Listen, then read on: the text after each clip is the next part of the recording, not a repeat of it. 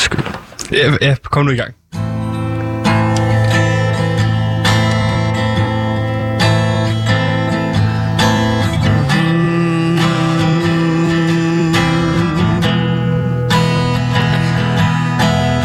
Undskyld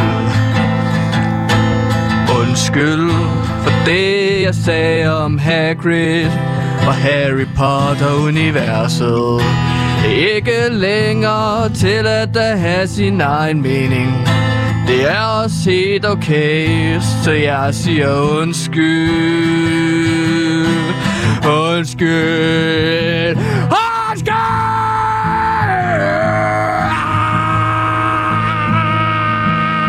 Ah, uh, uh, undskyld Hagrid Undskyld Hagrid, undskyld Hagrid og Harry Potter Det er bare et hul og det, og det er alt jer derude, der venter på en undskyldning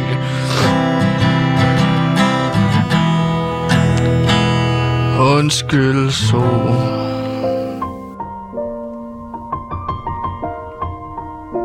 Hallo, igen til mere her. Jeg er researcher og indholdansvarlig på programmet PewDiePie. It's been a without you, my friend. Jamen, jeg føler ikke, jeg skal forklare mig over for dig. Jeg siger, at jeg er kongigant, og jeg er true til kongigant. Det er no bullshit nu metal, der ikke går på kompromis med sandheden. Jeg synger kun på dansk. Began. Oh. Hvornår var du sidst i Bongbongland? Øh, Jeg er jo der hvert år. I'll see you again. Damn, who knew? All the planes we flew. Det er noget, uh, Gantimir, han kan breake. Nå, men det er igen, det, det, det er hvem vej pilen vender. Prøv at høre, min ven, fordi at jeg, har et, jeg har en historie her, faktisk.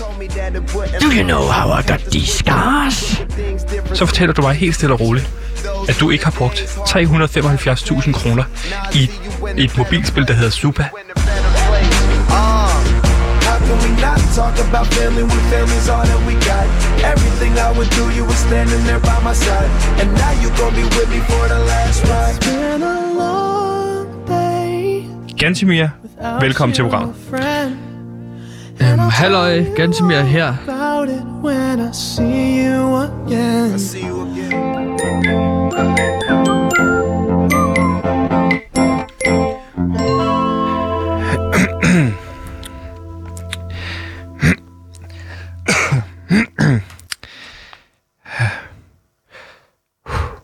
Det er med sorg i stemmen, at jeg må meddele, at jeg desværre står her alene i dag. Mit navn er Sebastian, og jeg er vært på det her program, der hedder PewDiePie, som normalvis er et nyhedsprogram, et nyhedsoverblik, dit daglige nyhedsoverblik. Og normal procedure vil så være, at jeg med glæde i stemme vil præsentere min faste researcher og øh, indholdsansvarlig Gantimir Ertogra Skov. Men jeg må desværre meddele, at øh, Gantemir er afgået ved døden. Og det er derfor i dag, udsendelsen er dedikeret til vores researcher og indholdsansvarlige Gantemir Ertogra Skov. For det er sådan, at jeg tidligere i dag, da Gantemir ikke mødte op på arbejde, øh, forsøgte at finde ud af, hvad der er sket med ham. Jeg forsøgte at ringe til ham på hans ene telefon. Jeg forsøgte at ringe til ham på hans anden telefon, og forsøgte også på de ni andre telefoner, som øh, Gantemir har fået stillet til rådighed af Radio Loud. Det er noget med noget øh, multima- multimedie-marketingsstrategi, øh, han er i gang med øh, at sælge mobiltelefoner herude på Loud. Men jeg kunne ikke få fat i ham, og derfor forsøgte jeg at tage forbi ham på hans adresse på, øh, på på Amagerbrogade, hvor at han bor i et kollektiv sammen med blandt andet musikeren Dofa. Og øh, da jeg hverken kunne få fat i nogle af hans øh, roomies, tog jeg forbi ham og øh, ringede på øh, på døren. Og jeg lagde godt mærke til, at der var en masse blå blink øh, nede i gården, da jeg, da jeg ankom. Men jeg ignorerede det ligesom, fordi jeg havde en forventning om, at jeg selvfølgelig ville finde ganske mere i en af hans sædvanlige skøre situationer, som man jo skulle reddes ud af. Men denne her kunne jeg desværre ikke redde ham ud af. Jeg kom op i lejligheden, hvor der var hvad kan man sige, øh, mild kaos. Politiet var i gang med at afhøre øh, de forskellige personer, der bor i kollektivet, blandt andet især Dofa. Øhm, og det skyldes simpelthen, at øh, ja, jeg fik et, et, et, et lille kig ind i... Øh, prøv lige ind i Gantemirs værelse, hvor jeg så ser øh, Gantemir øh, hoved på et spyd i midten øh, af lokalet, og, og ser så også øh, resten af, af livet ligge i, i, i sengen. Og det, som nok skræmte mig mest, var det faktum, at hans, hans tarme hang i en girlande rundt i hele lokalet, og derfor efterforsker politiet altså også lige nu det her som en forbrydelse, som de dog ikke er sikre på er en forbrydelse, men de er i gang med at undersøge lige nu, om det, det er en forbrydelse. Derfor er det også øh, svært for mig at gå mere ind i sagen, da det lige nu er en igangværende efterforskning, og jeg er selvfølgelig også, øh, da det skete i morges, øh, jeg er selvfølgelig også selv er i gang med at, at stable en ny True Crime podcast på benene, i forbindelse med, hvem der, der slog Gantemir ihjel, fordi at det, det er en oplagt mulighed. Og derfor er dagens program altså dedikeret til min researcher og indholdsansvarlige Gantemir Ertugrar Skov. Velkommen til PewDiePie.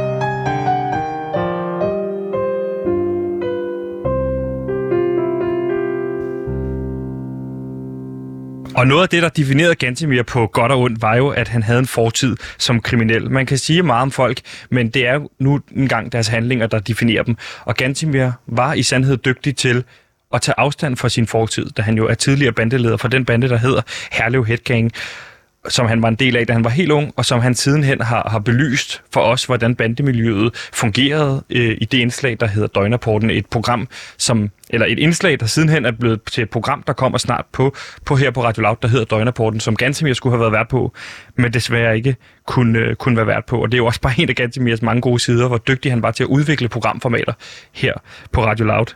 Og derfor er det nu, vi skal høre det første klip, som jeg har taget med, det første highlight øh, i den her tribute til Gantemir Ertugras Skov, det er nemlig fra øh, Døgnerporten, så jeg vil bare sige rigtig god fornøjelse med det klip. Du lytter lige nu til PewDiePie på Radio Loud, og vi er det her sådan, program, der forsøger at blive lykkelige inden 2020 det er slut. Det prøver vi på forskellige måder.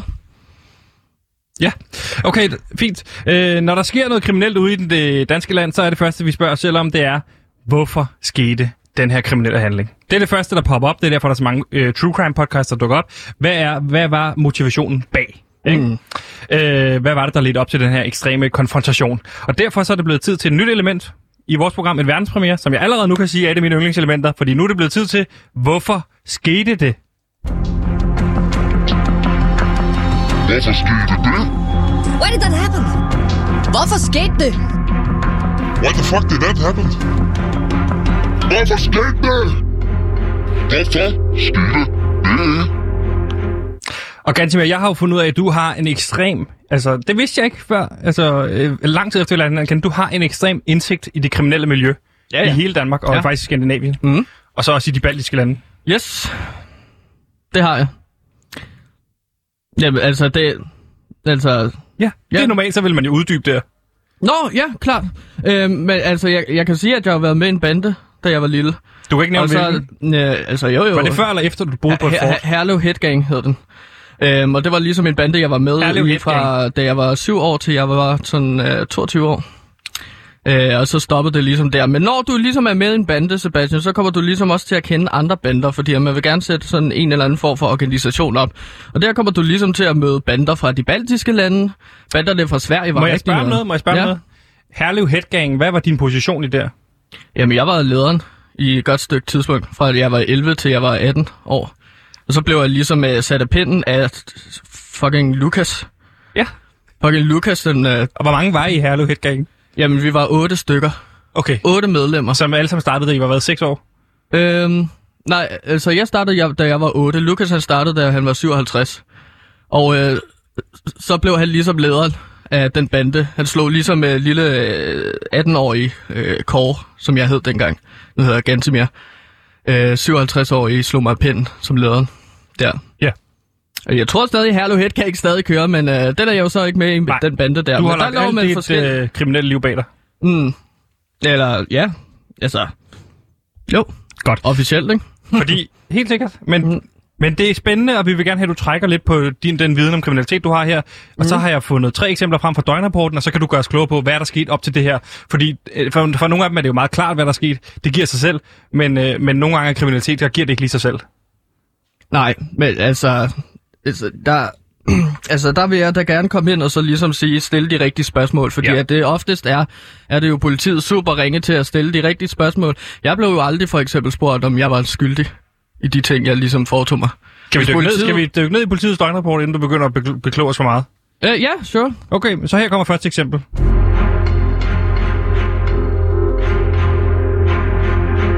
Og vi skal til øh, Fyn på øh, Dærupvej, kan jeg se her, og det er sket 7 minutter over 7 om morgenen, øh, hvor der står her, at gerningsmænd havde skaffet sig adgang til sygeplejeklinikkens venterum i aktivitetshuset i Glamsbjerg, hvor de havde råd cigaretter, has, spist slik og chips, samt skåret i møblerne. Hmm. Og her, så langt er jeg med. Så langt forstår jeg godt. Nå, det er nogle unge lømler, slamper, der vil jeg kalde dem, der ligesom har opført sig grimt. Men så her øh, efter beskriver de yderligere, var der bundet stoltråd om samtlige dørhåndtag og møbler i venterummet. Og det forstår jeg ikke. Nej, men det er jo fordi, at man ligesom... Øh, altså, når, nogle gange, når jeg ligesom gik ud og så røg, øh, røg en masse hash eller tog en masse kokain i forskellige venteværelser i Herlev, så, ba- så bandt vi jo nogle Ja. af de her døre Var det med noget, du tit? Ja, ja. Fra, fra da jeg var 11 år til jeg var ligesom til nu, ikke? Jo, Der tager Til jeg nu? Også, ja, der tager jeg nogle gange rundt i ventehaller rundt omkring her det på. Amager. Ja, ventehaller eller ventesale, eller hvad man nu skal kalde det, ikke? Jo. Øhm, så kan jeg godt lide at tage noget crack cocaine og være der, ikke? I de der ventesaler. Men øhm, Må jeg spørge dig bare om, hvorfor, hvorfor er det så, man binder stoltråd om samtlige dørhåndtag? Er det noget, man, når man tit gør? For det forstår jeg simpelthen ikke. nej, men det er jo fordi, at man ligesom øh, gerne vil binde alle døre sammen. Så hvis der bliver hævet i en dør, så holder de andre døre fast i den. Så man Nå. kan ikke åbne dørene, hvis de har gjort det rigtigt selvfølgelig. Fordi det er en svær teknik. Det har de så ikke, fordi impo- politiet er jo kommet ind. Ja, ja, præcis. Så, altså, de har nok været fuldstændig high på chips og på hash. Øhm, så de har, de har sgu ikke gjort det rigtigt. Men man kan også bruge stolthed til for eksempel at slå ihjel. Øhm, ved ligesom at tage det rundt om halsen. Ja. Så jeg ved ikke, om det måske også har været noget, de har været Lad os ude i. prøve at hoppe videre til det næste. Okay.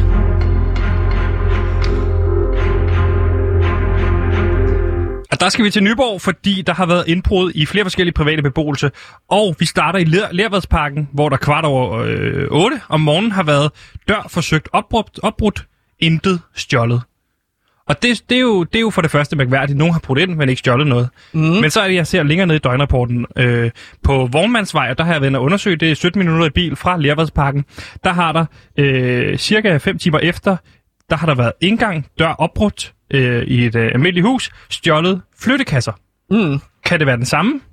Jamen, øh, det- og hvorfor lige flyttekasser? Altså, det har da ikke nogen værdi. Det har en kæmpe værdi, især inden for bandemiljøet, fordi at et er... Flyttekasser Ja, har en et- stor værdi inden for bandemiljøet. Ja, præcis. Okay, Altså, men de er jo meget billige at købe. Øhm, jamen altså, du, du har ikke lyst til at øh, købe noget som helst, når du er med i en bande. Det handler jo om at stjæle for helvede. Det er der, rosen ligger, ikke? Så når du ligesom skal bruge flyttekasser, så bryder du ind nogle steder, og så prøver du at finde øh, flyttekasser. Men det er så lidt trial by error, ikke? Fordi at, øh, de, man ved jo ikke, hvem der har flyttekasser. Nej, og hvor store er sådan nogle flyttekasser? Hvor store skal de være, for at de er værd at stjæle? Altså, Altså alle slags flyttekasser? Jamen, de skal gerne være 5 gange 5 øh, gange 5, ikke?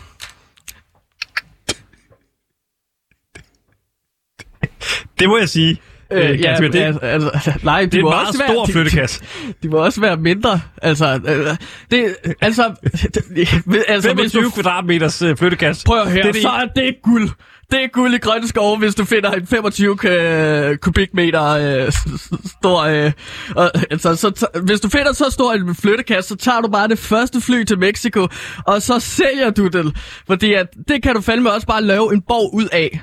Altså, så hvis du har så 10 gange, 10, 10 Nej, gange 25 store gange fem flyttekasser, gange så kan politi- så kan politi- hvis du tager sådan 5 tager det ikke gange så seriøst, store... det her. Jo, jo, det gør jeg. Jeg prøver virkelig, men altså, det lyder lidt fjollet, men hvis du har sådan 10 gange af de der store flyttekasser, så kan du lave din egen borg. Ja. Ligesom man gjorde i børnehaven. Var det også noget, I gjorde i Herlev Headgang? man, ja, ja. Lavet borg? Ja, Okay. Ja så, tog, så købte vi en masse, så, så øh, røvede vi en masse flyttekasser fra især gamle mennesker. Hold kæft, mand, de læbe. Og så laver du din egen borg. Modtaget. omkring. Så kan du lave pyjamasfest, for eksempel. Det, vi kan lige nå den sidste her.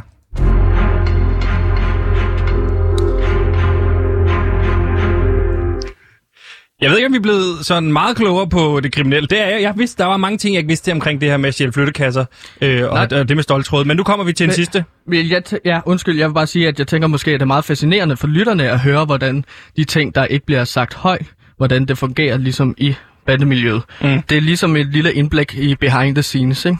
Jo, det er derfor, vi laver det her. Nå, okay. Ja. Ja, havde bare... Jeg troede oprigtigt, at du spurgte mig, hvis du ligesom skulle lave noget indbrud eller et eller andet. Undskyld, der er misforstået. Det er for et indblik ind i, hvordan de kriminelle arbejder. Jamen, så er vi jo enige. Skønt. Det er dejligt at være enig, min ven. Kan vi tage det sidste eksempel? Det kan vi godt. Jeg vil gerne videre. Det, det, ja, Jeg har jo nogle ting, jeg har forberedt, så... kan vi ikke lige tage et sidste eksempel her?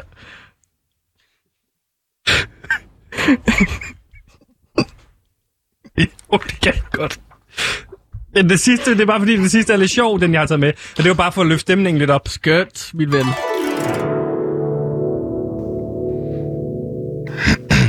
Det er fantastisk at stå og høre Gantemirs smittende grin. Og det er svært ikke at have et smil på læben, selvom jeg tidligere i dag jo fandt Gantemir spidet i sin egen lejlighed. Og fantastisk, hvordan han også kunne finde det komiske i sin kriminelle fortid, hvor jo mange øh, tidligere kriminelle dulmer en del med dumme tanker og sådan noget. Så kunne Gantemir godt se det sjove i hans fortid. Det er bare skal løje at høre de her ting, men øh, det er sådan, det er. Og vi skal videre i det her øh, program, som jo er en dedikation til min fantastiske researcher og indholdsansvarlige Gantimir Tograsov, som er afgået ved døden.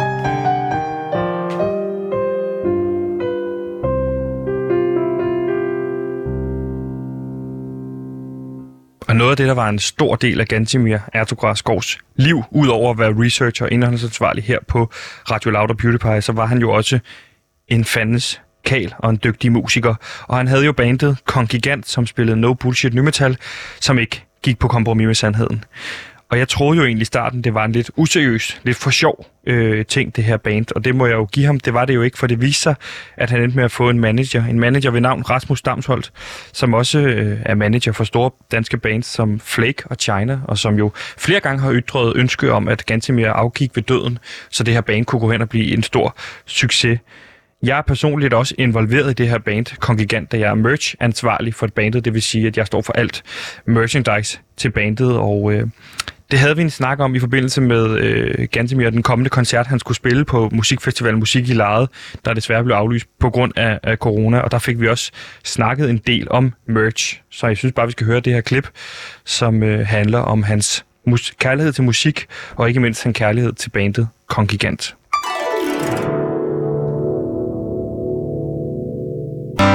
Yes, og hvis du lige er tunet ind, så er klokken 13.49, medmindre du hører det som podcast, så kan den jo være hvilket som helst. Så kan du bare lige kigge på telefonen og se, hvad klokken så er. Du lytter i hvert fald til PewDiePie, et program, der forsøger at blive lykkelig her inden nytår. Og vi har fået en gæst i studiet. Øh, god ven af huset. God ven af mig, kan Ja. man sige. Ja. Rasmus, øh, manager. Rasmus Manager, det kalder vi dig for tiden. Det må I godt gøre. Øh, på WhatsApp. ja. Ja, okay. What? Bruger du meget WhatsApp, Sebastian? Øh, bruger du? Ja. Ja? Ja. Jamen altså, jeg bruger også en del. Mm. Altså, øh, til lige at høre. Det er meget stort uden for Danmark især. Ja, Ja. ja. det er jo også et ordspil på Ja. ja. WhatsApp. Ja, du det, vidste. ja, Men det er jo det smarte. Men du er jo øh, manager for Gantimir og øh, Kongigant. Kongigant. Mit band, det er Øh. No Bullshit Nu Metal, der ikke går på kompromis med sandheden. Ja, og hvor jeg jo også, kan man sige, er en stor del af hele holdet. Vi er jo ligesom holdet. Hvad kan man sige? Når du går på scenen, så, så står vi jo bagved øh, Rasmus og jeg som holdet, der holder dig Altså holder dig nede og oppe, kan man sige. Mm, det det, kan er, være, det er jo vigtigt som Det kan være, du man- rent fysisk måske kunne t- gå op på scenen og tage billederne bagfra øh, efter Ja. koncerten. 100 Det procent. kunne vi godt bruge Det. Jeg kan også godt spille klaves. Øh, jamen, Jamen, du er skal jo ikke være med på scenen. Nej, det synes jeg ikke. Men Rasmus sagde det- lige, at jeg skulle gå på scenen. Ja, men kun til Ja, at tage men kun- billeder bagefter. ja. Tak. Det er fordi, det skal man, det skal man have en til at gøre. Jeg vil så også gerne lige ja. Diskutere din rolle i det her projekt, fordi jeg føler, at du ligesom så mange andre ting, øh, ligesom øh, klister dig med på noget, som øh, jeg godt kan mærke, at du føler får et succes. Ja. Altså, vi skal lige snakke om din merch-rolle. Jeg har ikke lyst til, at du skal sælge merch. Han foreslog tidligere i dag, Rasmus, at han øh, vil øh, sælge merch backstage. Så vil han gå rundt og give merch ud da meget- backstage. Okay. Og Okay. det forstår Nu, jeg forstår, ikke nu, forklarer du i. det også, nu forklarer du det også dårligt. Lad mig forklare det lidt bedre, Rasmus. Det, jeg havde tænkt, det var at sælge merch backstage. Mm. Hvorfor? Hvis nu, det her er bare et eksempel. Ja. Kender du Minds of 99? Kender jeg godt. Kender du Niels Brandt? Ja. Har du mødt ham? Ja. Fedt. Det har jeg ikke, men det gad jeg godt. Hvis jeg nu solgte ham, hey Niels, prøv, hvis, hvis du er Niels, så vil Ja. jeg sige, hey Niels, Hej, hvem er du? øh, så prøv, lad os prøve igen. Så- så kan jeg Lad os spille- prøve igen, hvor du, okay. ja, så du kan bare være dig selv. Ja, okay. Nej, jeg, jeg er sikkerhedsvagt. Hvorfor skulle der være en sikkerhedsvagt? Så mange er der slet ikke backstage. Jo, de jo, står de, ude. de står, de står jo de ude og hjælper med folk. De tjekker, de tjekker, de tjekker armbånd for at komme ind backstage. Ja, Lige præcis. præcis. Okay, lad os øh, prøve et scenarie så. Hey, Niels. Øh, ja, Øh, kender jeg dig? hvordan øh, må jeg Hov. lige... Hvem, hvem er du? Hvem er du? Spørger jeg så tilbage. Ja, men jeg Ja. skal lige tjekke dit armbånd. Hvorfor? Fordi at, øh, altså... Jeg står herinde og sælger jeg- merch for Kongigant. Kender du Kongigant? Okay, så kan, Ja, kan, jeg kan, kan, godt kan I spille mig selv et øjeblik? Jeg så tog kommer jeg lige løbende ind, og så giver jeg dig måske lidt armbånd, som vi har. Ikke Gud, hej. Rasmus. Ja, hej. Hey, Ah, okay. hey, Hey, jeg har et sikkerhedsvagt. armbånd Jeg, til hey, dig. sikker, Ja, jeg han er god har nok, et, han og er de plejer at være røde. Okay. Du får bare et blåt, fordi så kan du kun komme ind en dag, øh, og ikke hele en bagved. Ja, Men det er bare også kun i dag, at det Ja. er, er relevant. Ja. Rasmus, godt at se dig. Hey, hør, du løber nu. Hvor skal du hen? Ja, men jeg skal et andet sted hen om til scenen, hvor der er noget vigtigt, der sker noget vigtigt. Og så kommer... Nej, og så er du Niels. Så lav lidt mørkere stemme, så folk kan forskel på det. Niels, Ja, hej. Det er lidt det samme, men lad os lad os lade det ligge. Jeg, Øh, jeg Niels, er manager, ikke skuespiller. det er rigtigt. Øh, Niels, øh, nu skal du se, jeg har noget øh, merch med her, som jeg gerne vil give dig. Mm. Øh, til en billig penge. Til noget, kender du Kongigant? Nej, Det er dem, der skal spille på hovedscenen efter jer. okay. Her kommer øh, sikkerhedschefen. Hov, Niels. Nej, du er sikkerhedsvagt. Du er øh, ikke sikkerhedschef. Du er irriterer han sikkerhedsvagt. dig? Irriterer han dig? Fordi øh... så Øh. smider jeg ham ud. Ja, men jeg ved ikke helt, hvad det er, han vil i hvert fald. Jeg vil gerne sælge dig noget merch. Du skal ikke sælge merch her. Det vil sikkert være... Det vil, nej, det er utroværdigt. Jeg kalder lige på Rasmus. Rasmus! Ja, Øh, det er fordi, at øh, sikkerhedsvagten siger, at jeg ikke må sælge merch her backstage. hvorfor vil du også sælge merch backstage? Ej, det er, jo, det er jo det, jeg prøver at forklare i det her scenarie. Jeg vil gerne sælge merch til Niels Brandt, fordi hvis Niels Brandt så kunne gå på scenen, inden du kom på, så kunne folk se en Kongigant t-shirt og tænke, hey, hvad er det? Så står du på scenen bagefter, hey, Kongigant Er spiller. det stadig scenariet nu, eller... Ja, Jamen, det jeg tror tror, jeg. han prøver at forklare det i Det prøver jeg at scenariet. forklare til dig i altså, scenariet. I, i musiklaget. I musiklaget. Ja. Det står på musiklaget. Okay, ja. Der er god musik. Men vi har jo aftalt det her lang tid før vi kommer til musiklaget, hvor du skal sælge merch. Vi skal jo ikke finde ud af det på dagen. Der Nej. har slet ikke tid til at snakke om sådan nogle ting. Okay, så lad os fortsætte. Vi går to uger tilbage. Okay. Vi mødes. Det er merch-møde. Ja. Jeg sidder her. Du er her. Ja. Øh, som Rasmus. Du er her også, Kongigant. Selvfølgelig. Øh, som, som Gantimir. Du Ja. er her. Ja, ja. Og så har vi også... Er sikkerhedsvagtet der også? Nej. Fordi Sikkerhedsvagten altså, her jeg kan ikke. godt spille to Han kommer roller. først på, til musik i lejet. Det har vi. Den har vi jo hørt. Men Niels Brandt er her også. Ham okay. stiller du også, Rasmus. Ja, hvorfor, er, hvorfor er en sprand til mødet? Jeg har inviteret ham. Okay.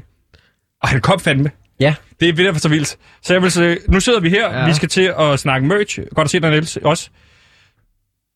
Ja, tak. Det er så lidt, Niels. Øhm, og så vil jeg sige, Niels, for eksempel, jeg glæder mig til at høre Minds of 99, men jeg glæder mig selvfølgelig også til øh, at stå backstage sammen med dig, Niels, og Rasmus, og øh, øh, Gansimir. Hallo. Og der, ja, der, jeg havde præsenteret dig tidligere i scenariet, så du behøver ikke at sige det der.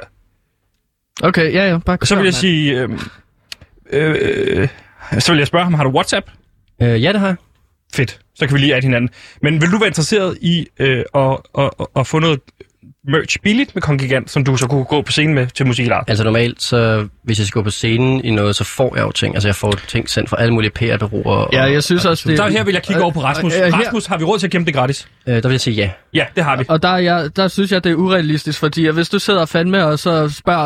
Øh, Er du- er du i scenariet nu? Brandt, Er ja, du i scenariet ja, ja, jeg er i scenariet der, så vil Så jeg du råbe, øh, security, security, så kan vi der komme en sikkerhedsvagt hen, og så irriterer han dig, kongigant. Altså, og så vil jeg sige ja. Nej, han vil ikke sige, han vil sige ganske mere, han vil ikke sige kongigant. Så det er totalt urealistisk. Altså, det, er jo, det bliver mit alias. Kongigant, ikke? Nå, på den måde. Men så kommer sikkerhedsvagten så hen og smider dig ud. Ja, men inden Jeg vil ikke have, at du prøver at sælge andre folk, andre musikere, mit merch. Okay, men så, så er vi jo nødt til at tage mødet igen en anden dag med det her merch-møde, hvis jeg bliver smidt ud. Mm. Så, så er vi en uge frem. Så er der merch-møde igen.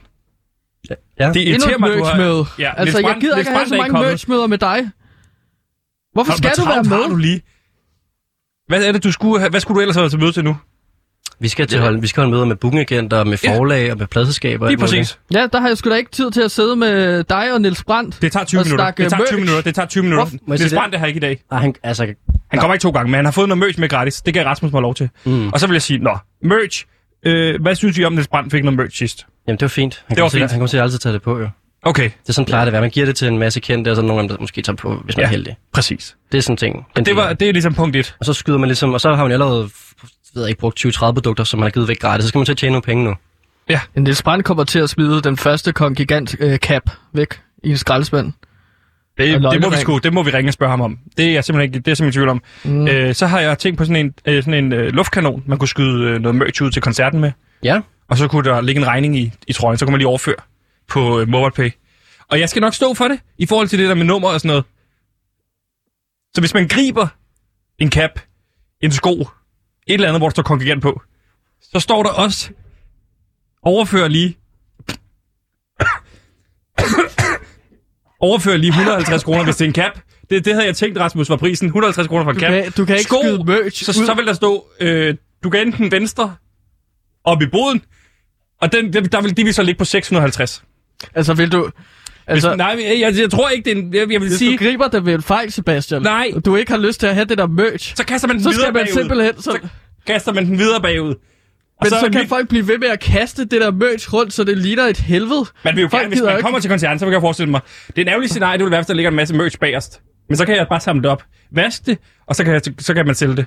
Ja, det er en fucking dårlig. Ja, og det, det kan jeg godt se, Det når jeg føl- fortæller ja, den. altså- Det fungerede bedre, da jeg øh, stod derhjemme og, og, og fremlagde det. Hvad koster sådan en kanon der? Øh, 6.400. I leje, eller? Nej, det, det koster den... Øh, øh, leje? Altså, hvad koster, det koster 6.400 kroner at leje sådan en kanon der. Hvor mange t-shirts skal du så sælge for, for det hjem igen? Øh, 6.000. Det er øh, 150. Det var, hvor mange t-shirts skal vi trykke? Jeg havde tænkt et oplæg på 10.000. Ja, Fordi der, hvad? det, det, hvor mange er det, der kommer til i lejet koncerten? Altså Ja, til, det er til der hovedscenen. Hvor mange? Det er, ja, det er 10.000. Så kunne, hvis alle lige købte en der, så skulle vi tage helt nye ting, ikke? Så er vi Mm. klar til næste koncert. Det kunne være Vega. Men folk køber slet ikke så meget merch-musik i desværre. Altså, det er meget mere sådan, de går ned og køber noget, en, du ved, en parisertoast, altså sådan en luksusparisertoast og nogle østlige. Hvad nu, hvis, hvad nu hvis man skød en masse øh, dyreblod ud over koncerten, så alle havde brug for nye trøjer? Se, der, der er jeg jo så lidt øh, intrigue der, fordi at jeg synes, at sådan noget blod på scenen til Kongregant, det ville være rigtig fedt bare at skyde ud over i alle publikummer. Det skal være så lidt drabligt. Men det kan jeg synes faktisk godt gen... Der er også fordi, de alle sammen har hvidt tøj på deroppe. Det vil give en god Ja. effekt. Præcis! Så vil man øh, simpelthen tvinge folk til at købe Kongregant øh, merch. På den måde, fordi der er Nu, ikke andet øh, merch. En Nu- form for stunt. Det kan jeg godt lide, faktisk. Vi er nærmere os, men øh, Rasmus, jeg håber ikke, at du vil noget vigtigt, fordi vi når ikke meget, øh, meget mere nu. Du har Andet faktisk, end, øh, vi skulle have haft et møde omkring, øh, Ja. altså, hvad der skal ske fremadrettet, Gantemir. Vi, tager den, vi tager den i morgen. Men det er jo fordi, at Sebastian bare fucking øh, trumfer igennem. Ingen Og så grund vil til, han snakke der, om... Øh, ingen grund til at bande. Ingen grund til at bande. øh, bare snakke om merch hele tiden, mand. Jamen, det er også et vigtigt emne. Nu fik vi snakket lidt igennem. Jeg synes, vi skal lægge et separat møde til merch. Øh, konklusionen må være kviklån. Det, det var sværere at optage, end jeg havde regnet med. Altså at få kviklån. Ja, og jeg, jeg, ja, jeg er glad for, at du ikke ligesom skal tage det der fucking kviklån. Det er så farligt. Du skal stoppe. Nu har sagt fucking to gange på et minut. Det er der ingen grund til. Jamen, jeg er da også lidt sur. Øh, og Rasmus, tak fordi du kiggede forbi. Vi blev lidt klogere på kongigant. Det nåede slet ikke, det vi skulle. Nej. ikke, der. Nu synes jeg, det bliver kigget meget mod mig, som om det er min skyld, vi ikke nåede det. Øh, jeg vil bare sige tusind tak, fordi I lyttede med. Jeg håber, I blev en lille smule klogere også på vacciner. Øh, lykkeligere, det er vi ikke blevet. Men øh, jeg håber, vi bliver lykkeligere i morgen. Det er i hvert fald øh, forsøget værd, hvor i morgen er det jo... Er det torsdag i morgen? Ja, Ja, det er vel egentlig... Lad os gå ud det på det. jeg. Ja, og det blev torsdag, og det blev fredag, og det blev også mandag i dag. Dagen, hvor Gansimir døde, fundet i sin lejlighed, med ansigtet skåret af på et spyd. Hvad det blev til med kongigant, vides jo ikke, da det jo stadig eksisterer derude, og lige nu er det, står jeg til faktisk at skulle arve mange af kodapengene, så har man lyst til at streame en lille smule kongigant, så kan man altså gøre det på Spotify.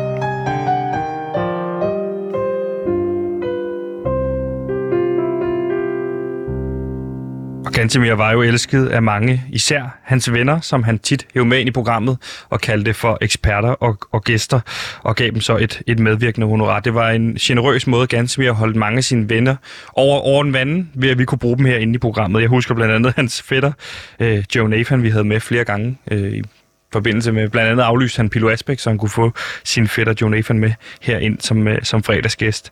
Og i det klip, vi skal høre nu, der skal vi høre en af Gantemirs venner, journalist og ekspert i mainstream medier, nemlig Peter Pascal, fortælle om dengang han øh, interviewede Gita Nørby. Det skete i forbindelse med Gita Nørbys kontroversielle interview med Simi Jan i God Aften Live.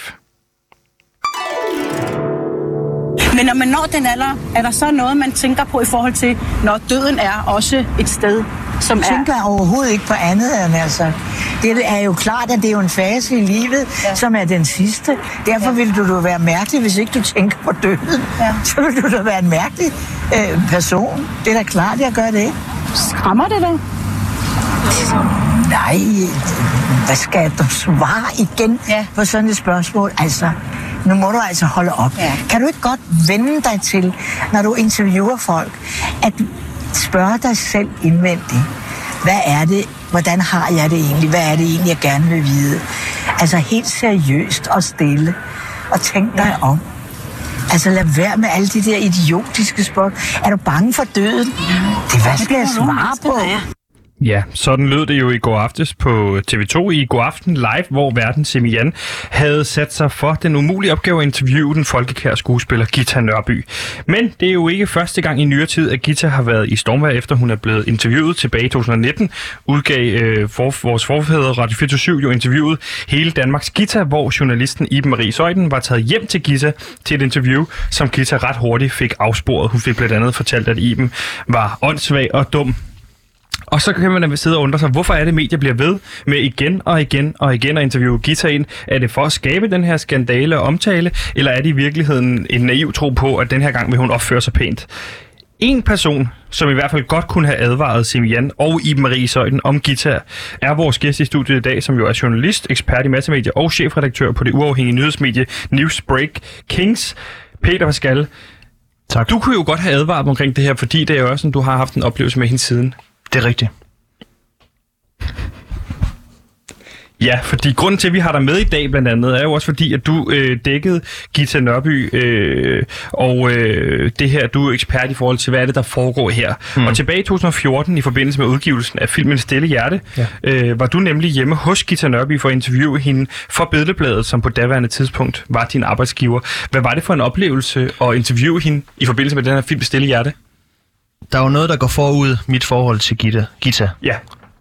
Jeg har jo i mange år været, altså været fan af Gita Nørby. En ting, det er jo de ting, som hun har medvirket i. Riget. Øh, hun og hun imellem øh, Paul Thompson. det kunne blandt andet være dem. Øh, som jeg altid så, da jeg var lille med mine forældre. Øh, Og så er der som også jeg Matador, ikke, som er en Ja, Matador. stor. Selvfølgelig Matador. Øh, det er også en, en, en serie, som jeg har været rigtig glad for at se med mine forældre. Så man kan sige, at øh, det er jo på, på sin vis en, en hero you want to meet. Altså en held, ja. som, som man glæder sig til. Mm. Øhm, og derfor er der så er der også, øh, hvad kan man sige, øh, der, er no, der, der kan jo opstå nogle problemer ved at møde sin helte. Mm. Om ens ære, eller hvad, hvad hedder sådan noget, det hedder, at, at, at, at jeg, jeg, kan jo, jeg, kan jo, jeg kan jo blive skuffet, Mm. eller jeg kan få den der helt fantastiske oplevelse af, me, af meeting an, an a hero. Og hvad var dit førstehåndsindtryk af, af dit møde med Gita? Kan du sætte lidt ord på det? Altså, fordi det foregik jo hjemme hos hende, gjorde det ikke? Jo, det foregik hjemme hos uh, Gita Nørby, ja. Altså, øh, jeg kommer jo ind, og jeg er jo sådan egentlig meget sådan imponeret over, hvordan hun... Altså, hun ligner jo sig selv som på fjernsynet, ikke? Jo. Øhm, Hun ser godt ud. hun ser godt ud. Hun er, øh, hun er likable. Ja. Øh, byder mig velkommen, og jeg får lov til at komme ind og sidde, og sådan, fordi hun har jo også godt, hun ved jo godt, hvem det er, jeg kommer for. Hun ved jo billedbladet. Det sælger billetter, ikke? Men det er jo ikke fordi, det er meget, det sælger billetter. Det er jo fordi, det er et anerkendt medie. Øh, også fordi Gita Nørby, hun holder jo selv billedbladet. Og hun er, hun er vant til de der artikler der, som de skriver Okay. der. Okay. Kendt at blive kongelig. Men Hun er jo også en del af den kongelige elite. Ja. Hun bliver inviteret. Hun, er, hun er ridder af Danmark. Åh oh, ja. Kvindelig ridder af Danmark. Og Peter Pascal, jeg har jo taget øh, billedbladet med fra den Ja. gang i 2014, ja. Ja. som du har haft liggende, og som du har vist mig. Ja. Øh, jeg, jeg tænker måske, man kan læse lidt op øh, fra den. Der er jo en masse billeder af, af, af Gita Nørby, og mm. også billeder med dig og Gita Nørby, hvor du sætter har armen om hende. Mm. Jamen, Er det normalt som journalist, at man sætter sig... Altså, øh, Ja. Jamen altså, fordi vi lavede jo... Den, dengang kan man sige, portrætter var jo anderledes dengang i forhold til, hvad de er i dag. Altså, der Altså man gerne have 2011? journalist- Nej, det er jo så Nej, 2014. 2014. Skal lige altså. følge med ganske ja, man har, man har, man, man, det, det er den der journalisten, der kommer ind øh, og er en del af interviewet, sådan som man måske også hører, når man, hvad er journalistens take på det her, det er samtidig med, øh, at, det er jo ligesom Marie Søjden jo også gør på Radio 24 Der Ja. spiller hun jo en lige så stor rolle i sine interviews. Ikke? hun Og, skriver sig selv ind i det, ligesom ja. jeg gjorde. og det var en, en portrætserie, ja. Du jo lavede altid. Mm. Øh, øh, hvad var det, den hed? Øh, den her, hvor, øh, som jo... Altså, den hedder jo Portræt med P, øh, PP. Ja, så det er jo så det, jeg har hivet folk med ind.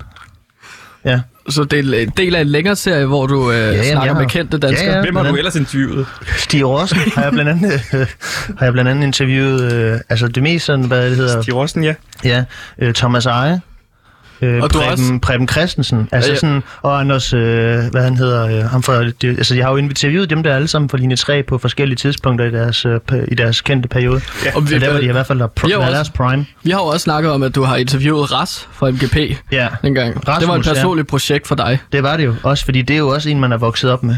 Øh, Ligesom som med man Gita ser- Nørby.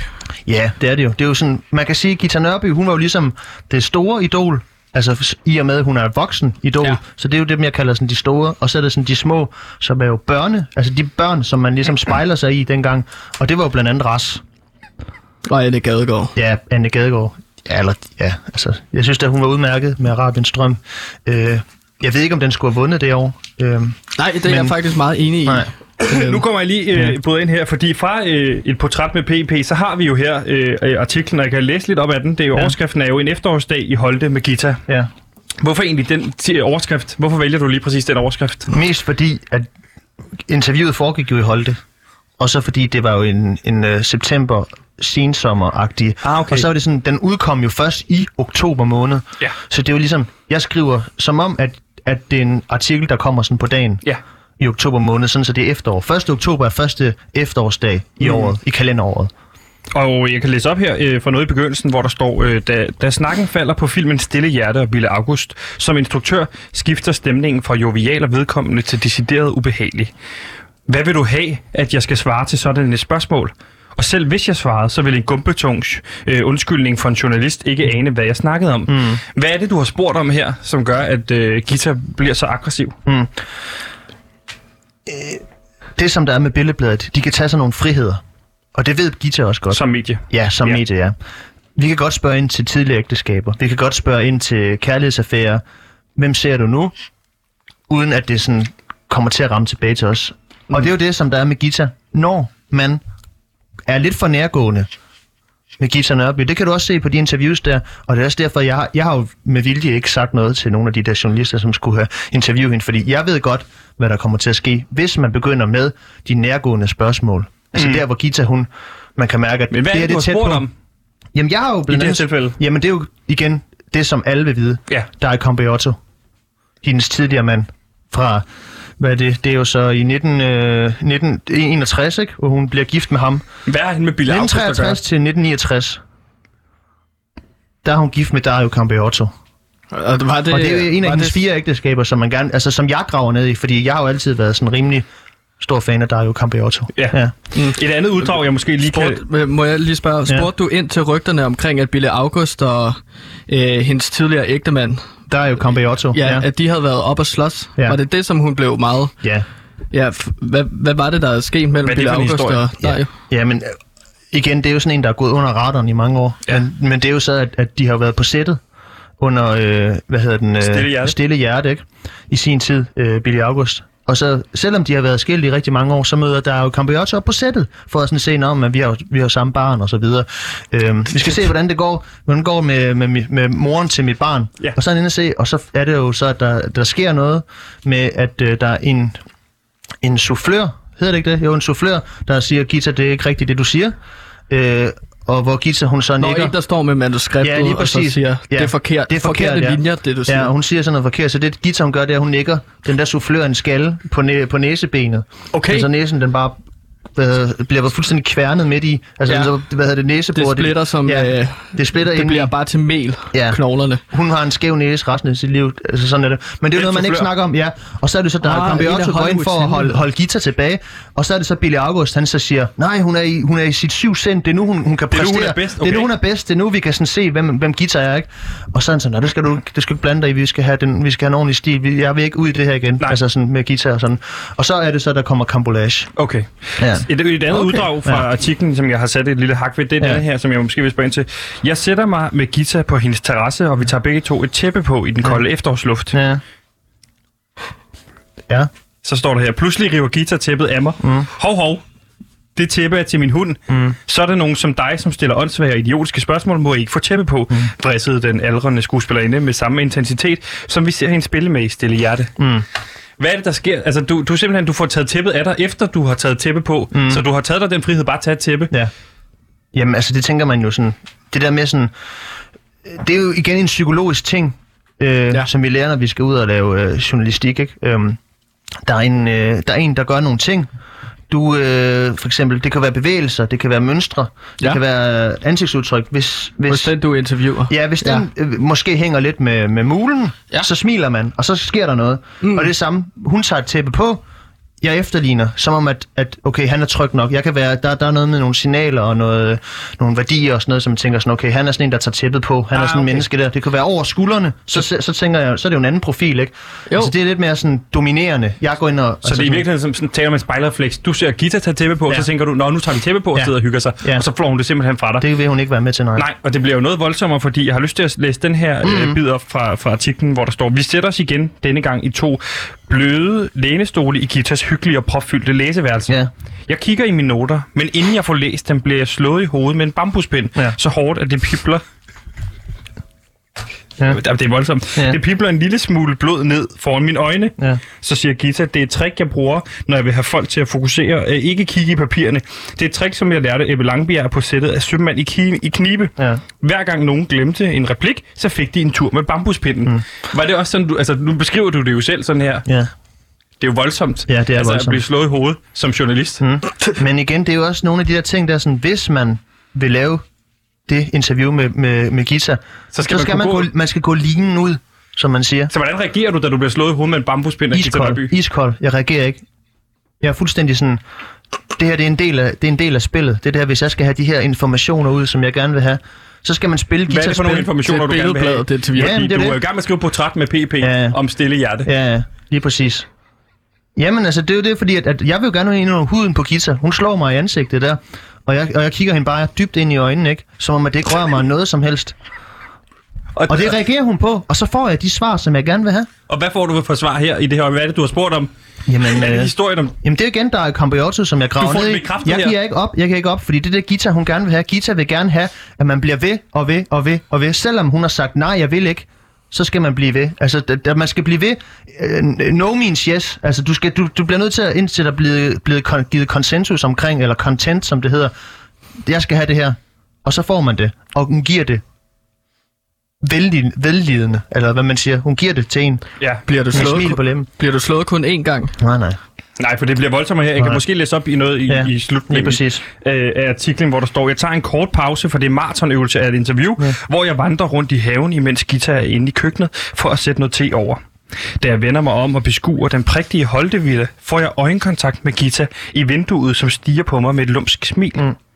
Inden jeg får smil tilbage, ser jeg hendes Saluki-hund komme løbende, gøende med frode om munden. Den bider mig i låret. Her opdager jeg, at Gita har snedet et stykke parmesanskinke fra den tapas, jeg, har, jeg havde haft med, ned i min ene bukselomme. Og det, undskyld, jeg bliver lidt berørt, fordi det virker voldsomt, at hun, hun pusser sin hund på dig her. Ja. ja, det gør hun jo. Og igen, altså, fordi der tester hun jo en igen. Så jeg bliver stående, og jeg kan min kampposition, som jeg har lært til thai-boksning. Så det vil sige, det gælder om at lægge alt vægt ned på sit forreste ben, sit kampben, ikke? Og det reagerer hun på, mens jeg kigger hende dybt ind i øjnene, ind i vinduet der. Imens du har hendes saluki Mens der er den der, den der lille pishund, den sidder og, og bare hiver mit, i, mit, i mit lår, ikke?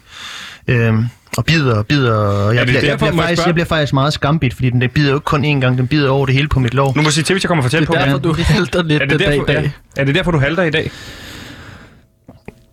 Nej, det er jo en anden historie. Det er Okay. jo også, det er jo igen øh, noget, noget, noget ting, jeg har været igennem i mit liv. Øh, Fordi jeg har jo altid haft lidt den der sådan... Ja, det er lidt hårdt at snakke om, men, men jeg har altid haft det der halt, øh, så længe jeg kan huske lige siden. Men så skal vi ikke snakke om det. Vi undskyld. skal jo snakke om guitar i ja, dag. Ja, ja, ja. Men, men det er Øh, godt forstå, at du spørger, fordi det giver jo... Altså sådan, det er jo folk kommer også og spørger Hvordan omkring, reagerer Gita, fordi det beskriver du ikke i artiklen, hvordan reagerer Gita på, at du bare nedstiger hende, imens hunden skambidder dig? Jamen, det er jo så, at hun åbner jo op. Sparker du hunden først og fremmest? Nej. Du stiger bare på Ja. Gita Nørby. Til sidst giver hunden slip. Hunden Så mister sådan- interesse i ja, at men det, er, dig. men det er jo mest fordi Gita, hun åbner vinduet, så siger hun, eller sådan fløjter og pifter, ikke? Og så siger ah! Og så er det egentlig bare sådan derfra, ikke? Altså, så, så, så stikker den ind, øh, stikker den af, og så løber ind, øh, ind i, hvad hedder det, huset igen. Ja. Og så har hun jo sat te over til den tid, og det er jo rigtig lækkert. Og så kan vi gå ind og så fortsætte øh, interviewet, selvom jeg sådan styrt bløder fra mit lår. Øh, Og det- din pande, Ja, og min- har slået dig i hovedet med en bambus. Ja, ja. Men jeg får jo de ting, som jeg skal have, og det kan du også godt se på billedet, at jeg sådan, der er et mæk- lidt mærkeligt smil på Ja, mig. det er da rigtigt. Ja. Du ser jo Ja, det har jeg faktisk ikke set. Det Nej. sidste billede i artiklen. Der sidder du igen med armen om Gita, mm. hvor du bare er fuldstændig øh, blod i ansigtet, mm. og blod fosser ud af benet på Ja, dig. lige præcis. Ja. Og det er jo så efter den episode med hunden og bambuspinden, ja. Det er, det er voldsomt, øh, de ting, man, man har fået at vide. Mm. Men det er jo også ting, der gør, at du har fået ting at vide i dag, som man no- måske normalt ikke ville, øh, ville have fået ud af Gita. Ja. Hvad er du mest stolt af at have fået ud af Gita? Altså mest omkring det med Dario Cambiotto. Ja. Omkring ægteskabet. Øhm, altså ikke så meget det der med, hvad der gik galt, fordi Brita er den, som, øh, Gita er den, som hun nu engang er. Ja. Øh, men mest sådan bare i forhold til den relation.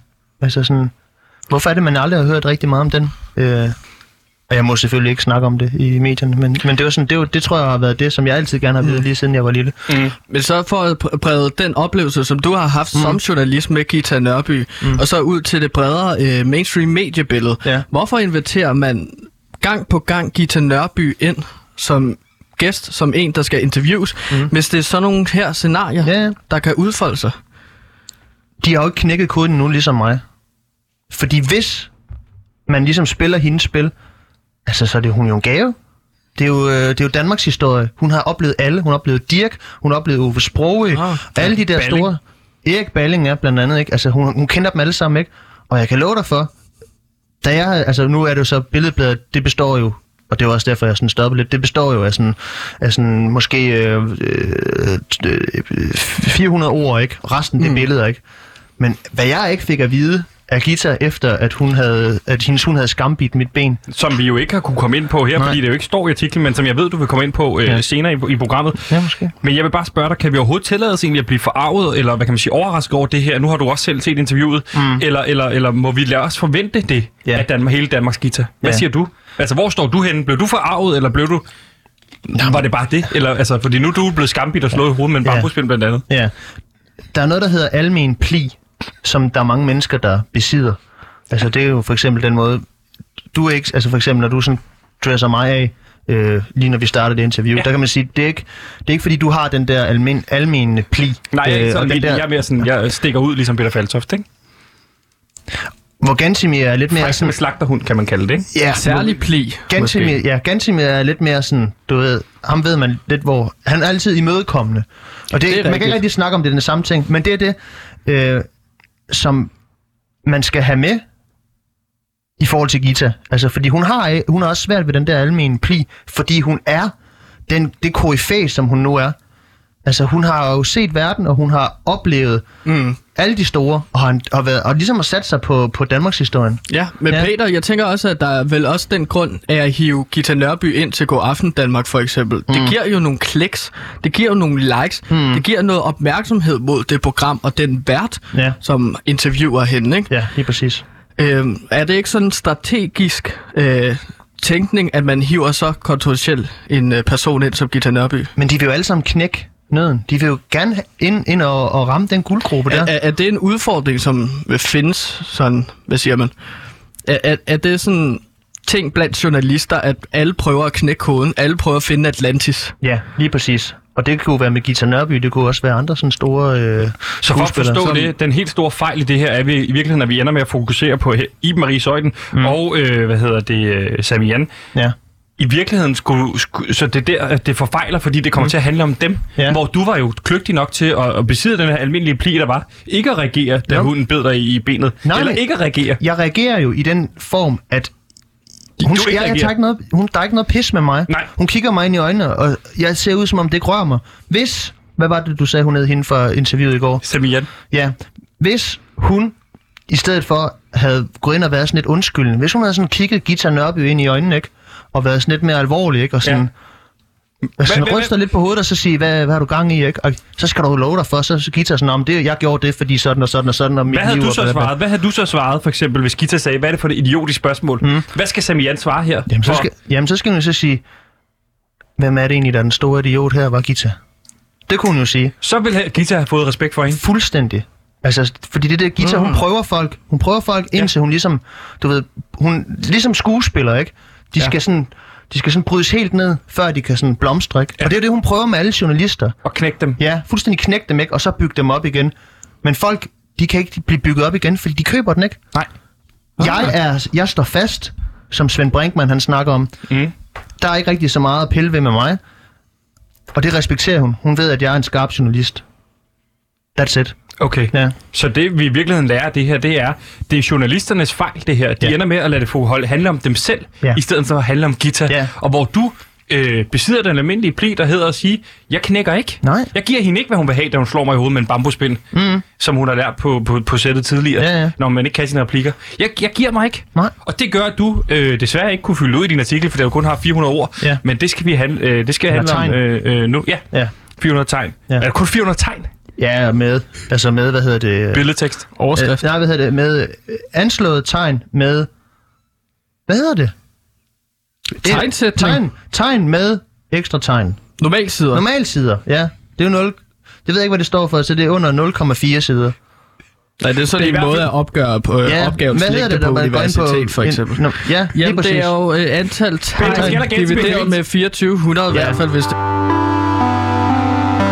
Mit navn er Brian Mørk, og PewDiePie er den bedste form for radiomirakel.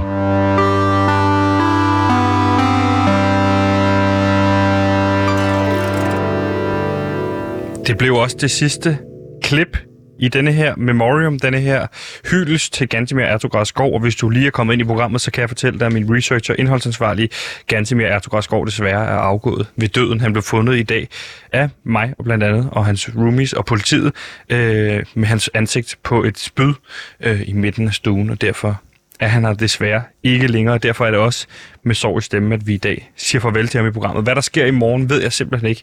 Jeg ved ikke, hvad der skal ske i morgen. Jeg ved ikke, det er jo ikke mig, der er indholdsansvarlig. Men vi skal sende, vi har en sendetilladelse overholdt. Så jeg er jo bare som vært. Jeg ved jo ikke, jeg er journalist og vært. Jeg ved jo ikke, hvad jeg skal fylde programmet som sådan ud med. Og det kan du måske også mærke på mig nu, at jeg er lidt i vildrede i forhold til, hvordan man fylder et program ud. Jeg plejer jo bare at spørge Gantemir, hvad er dagens nyhed? Og så siger han, Hallo Gantemir her, øh, nyheden i dag, vi skal snakke om, er Strusse nyt. Og så vil han jo kunne fylde tiden ud, jeg ved ikke, hvor lang tid, om Strus. Og det var jo også en af de store gaver, han har, udover et stort musisk talent, udover hans ekspertviden inden for fodbold, sport, øh, musik, så kunne han også øh, tale om dyr. Og så kunne han også tale med dyr. Det var noget, vi aldrig nåede at dykke ned i, men det var en evne, han havde at kunne tale med dyr, som jeg så gerne ville have, have dykket ned i. Men det bliver det desværre ikke tid til, for Gantimir er ikke længere iblandt os.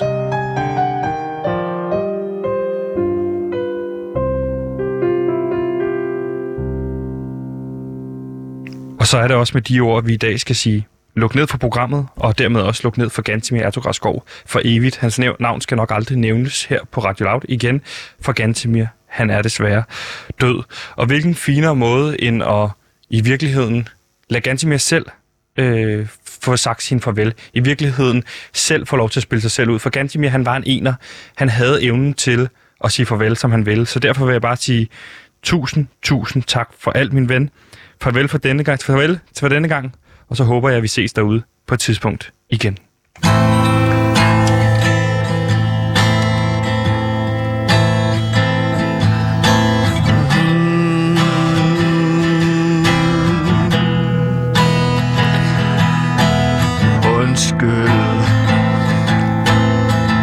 skyld for det jeg sagde om Hagrid og Harry Potter-universet Det er ikke længere til at der have sin egen mening.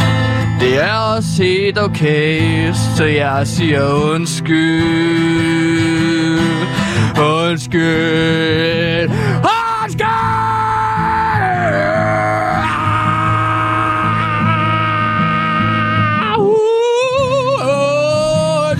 Hagrid. Undskyld Hagrid, undskyld Hagrid og Harry Potter. Det er bare et hul, og det er det er jer derude, der venter på en undskyldning.